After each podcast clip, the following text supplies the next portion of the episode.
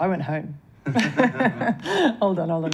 Um, uh, uh, Denne videoen har satt en spiss på den politiske adventstiden i Storbritannia og virkelig hisset opp britene. Den viser statsministerens tidligere pressetalskvinne og kollegene hennes som spøker bort et julebord fra i fjor.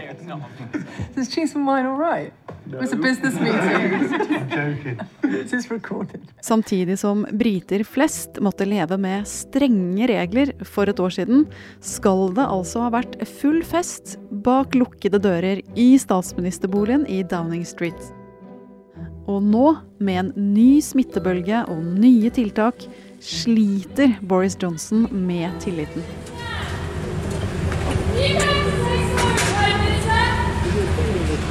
Denne skandalen er bare den siste i rekka etter en smått skandaløs høst for statsministeren som ofte kalles Bojo.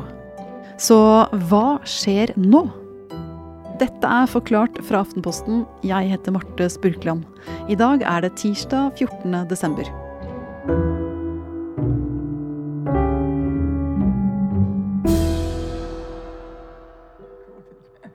This fictional party was a business meeting. And it was not socially distanced. Denne videoen som ble lekket i mediene, det er fra et opptak hvor presseteamet til Boris Johnson øver seg på en fiktiv pressekonferanse. Det er Eirin Hurum, utenriksjournalist i Aftenposten, som forteller. Og daværende pressetalskvinne eh, Allegra Stratton blir pepret med vanskelige spørsmål om en angivelig førjulsfest i Downing Street. Og dette er altså den julefesten som Boris Johnson i mange dager har påstått aldri har skjedd. Og i denne lekkede videoen så er det god stemning i statsministerens PR-team. Allegra Stratton står på talerstolen, proff og strigla i powerjakka si, og tuller og tøyser med hva hun skulle svart hvis hun fikk et nærgående spørsmål om den angivelige festen hvor ingen holdt én meters avstand. Eirin, hva er det med denne avsløringen som gjør folk så sinte? Ja, det er jo tre ting som gjør denne julefesten til en eh, giftig cocktail. For det første så var det jo tidspunktet. Eh, julefesten skal ha skjedd 18.12. i fjor. Og på det tidspunktet så var Storbritannia fullstendig nedstengt, og det var svært strenge regler for sosial omgang. Sykehusene var overfylte, dødstallene høye, og mange døde uten å ha de nærmeste hos seg. Men disse reglene gjaldt da tydeligvis ikke for alle. Og grunn nummer to timing. Den kan som kjent bety alt. Også for sjefen i Downing Street. Altså Avsløringen og videoen kom på det verst tenkelige eh, tidspunkt.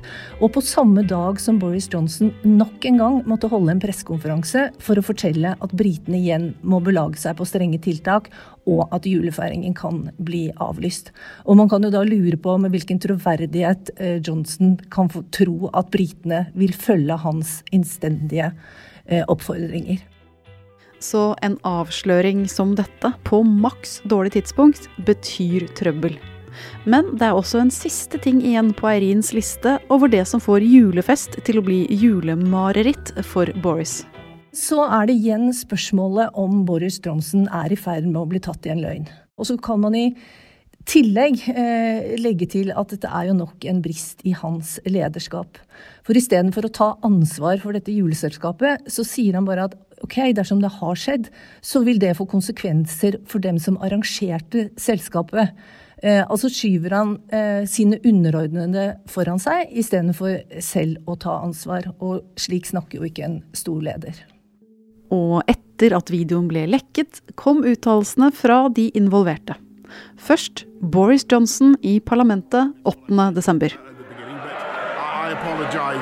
I apologise. For, uh, for the impression that uh, has been given uh, that staff in Downing Street take this less than seriously. Uh, I'm, I, I'm, I'm sickened myself and furious about that. Han skylder på sine ansatte, altså. Og så, senere samme dag, pressetalskvinne Allegra Stratton. rules that people were doing everything to obey. That was never my intention. Nå møtte hun pressen med boblejakke, strikkegenser og bustesveis, mens hun tydelig kjempet med tårene. Og hun sa altså at hun vil angre på vitsingen om julefesten resten av sitt liv.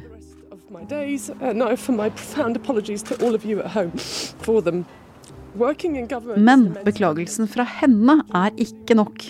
Den britene er mest sint på nå, er sjefen sjøl, Boris Johnson. Ja, denne julefesten er alvorlig nettopp fordi det føyer seg inn i rekken av saker hvor Boris Johnson pynter på sannheten, er omtrentlig, tøyser bort alvoret og vrir seg unna. Og han har jo allerede fått tilnavnet teflonministeren. Altså alt ser ut til å prelle av på ham. Og dessuten så er han eh, spesielt hardt rammet når det blir snakk om liv og lære. Johnsons bakgrunn som privatskoleutdannet overklassegutt gjør at folk flest får et inntrykk at det gjelder andre regler for Johnson og hans venner enn for eh, briter flest. Og det liker britene dårlig, når det blir veldig sånn forskjell på oss og dem? Veldig, og ikke minst i et så sterkt klassesamfunn som eh, det britiske.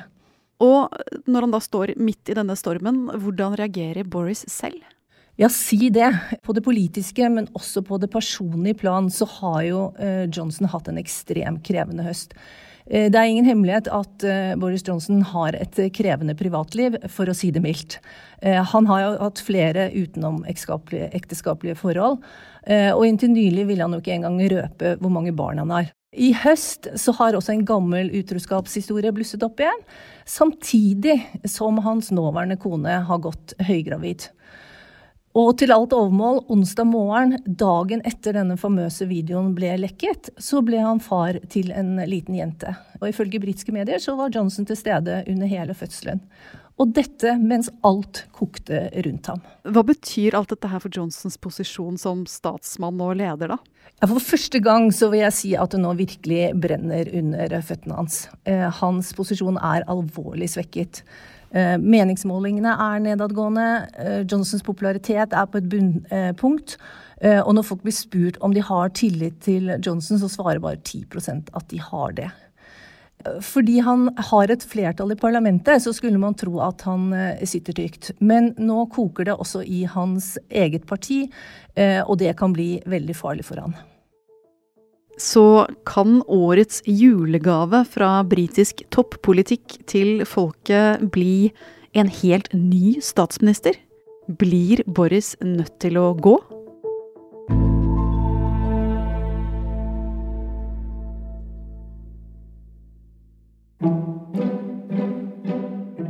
Da Boris Johnson inntok statsministerstolen i 2019, var det med en sekk full av løfter.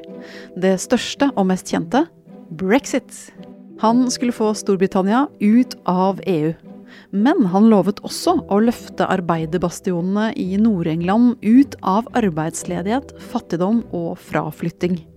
Og da velgerne i Nord-England ga sin stemme til en overklassegutt fra London som ledet det konservative partiet, ble det sett på som en politisk revolusjon. Og da Boris skulle være hovedtaler på en næringslivskonferanse i Nord-England i slutten av november, var forventningene store. Men så gikk det fullstendig i ball uh, with great local schools, uh, with fantastic uh, broadband. Uh,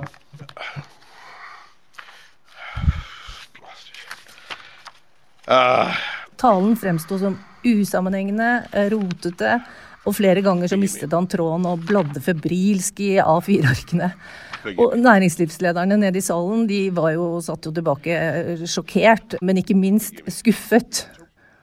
Ja, i denne talen så snakket han jo også bl.a. om elbiler, og da begynte han å lage brummelyder. Og han fremhever altså den lille rosa tegnefilmfiguren Peppa Gris, som han for øvrig mener ser ut som en hårføner, som det stolteste som noen gang har kommet fra Storbritannia. I don't know if you've been to Peppa Pig World. Who's been to, hands up anyone who's been to Peppa Pig World? Not enough.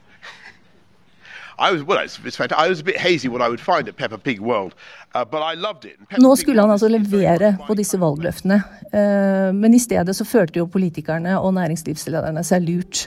Så nå er velgerne i Nord-England i ferd med å vende han ryggen.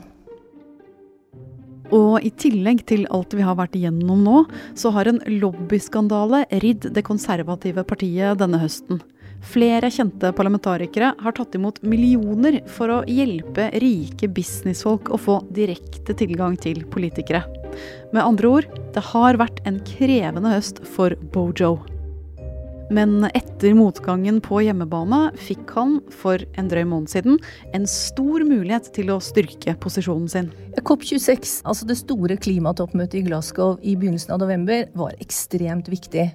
Både fordi at Boris Johnson var vertskap for møtet, men også fordi at møtet skulle være et utstillingsvindu for Storbritannia utenfor EU. Det var her britene skulle vise fram det nye Global Britain, som, eh, som de kaller seg nå. Og hvordan gikk det for ham? Vel, i kjent stil da, så hadde Boris Johnson voldsomme ambisjoner. COP26 skulle bli liksom selve vendepunktet for menneskeheten, erklærte han. Intet mindre.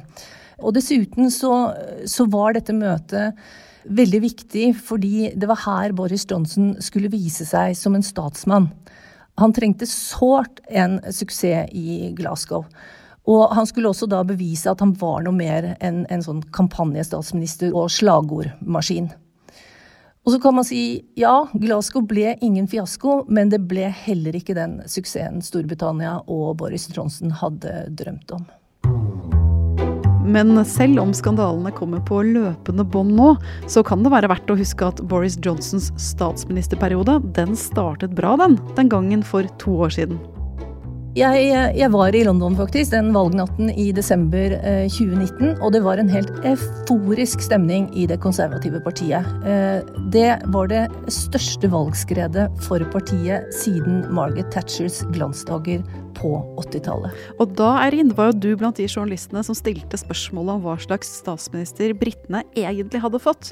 Eh, var han en klovn eller en skikkelig statsmann, spurte du. Eh, har vi fått svaret på det nå, to år senere? Det er nok klovnen som har trumfet eh, statsmannen. Historikken eh, til Boris Johnson er at han hadde jo egentlig ingen annen plan enn å bli statsminister.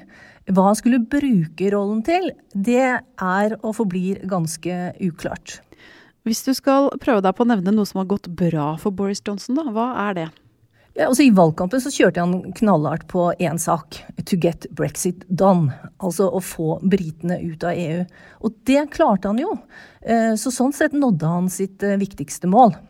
Eh, og i tillegg så brøt altså, som vi har nevnt før, de konservative gjennom den såkalte røde muren i Nord-England. Og velgerne som hadde stemt på Labour hele livet, de ga nå sin stemme til overklassegutten fra London. Og det var et historisk gjennombrudd. Men resultatet av brexit har jo dessverre ikke gitt den uttellingen eh, Johnson og den britiske regjeringen håpet på. Eh, og velgerne eh, som gikk fra Labour til torgene, har jo allerede begynt å forlate partiet. De føler seg rett og slett lurt. Og samtidig kommer nå også kritikken innenfra hans eget parti, og det kan bli ekstra farlig. Eirin, er tida ute nå for Boris Johnson? Det er uh, veldig vanskelig å si. Det virker jo som han har seks, sju, åtte, ni liv. Uh, men hvis han med viten og vilje har løyet for parlamentet, så vil Underhuset felle han. Å lyve for parlamentet er det mest alvorlige en statsminister kan gjøre. Da er han ferdig. Så hvor sannsynlig er det at han faktisk kommer til å gå av? Ja, han går ikke av frivillig. Aldri. Det ligger jo ikke i Boris Johnsons eh, DNA. Eh, så enten så må parlamentet da felle han, Uh, og det gjør de hvis han lyver. Men den mest sannsynlige utgangen er at han trolig blir felt av sine egne.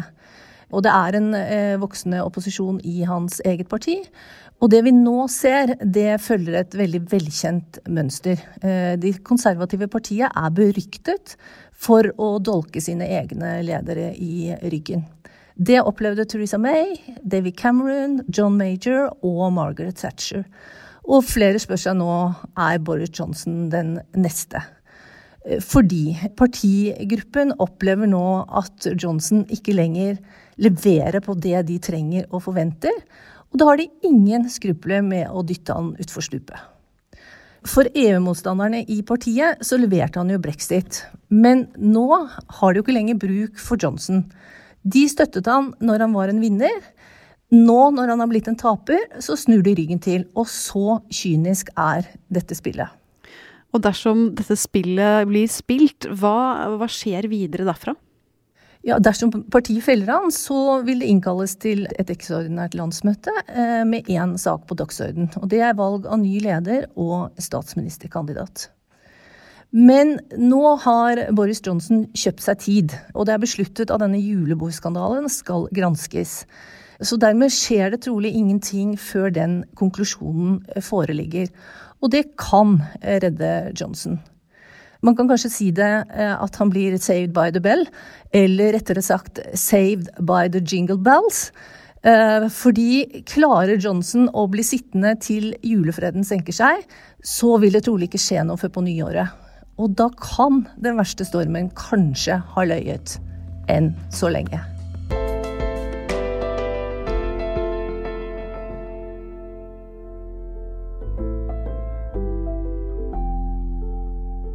Det var Eirin Hurum som fortalte om Boris Johnsons skandalehøst. Du har hørt lyd fra AP.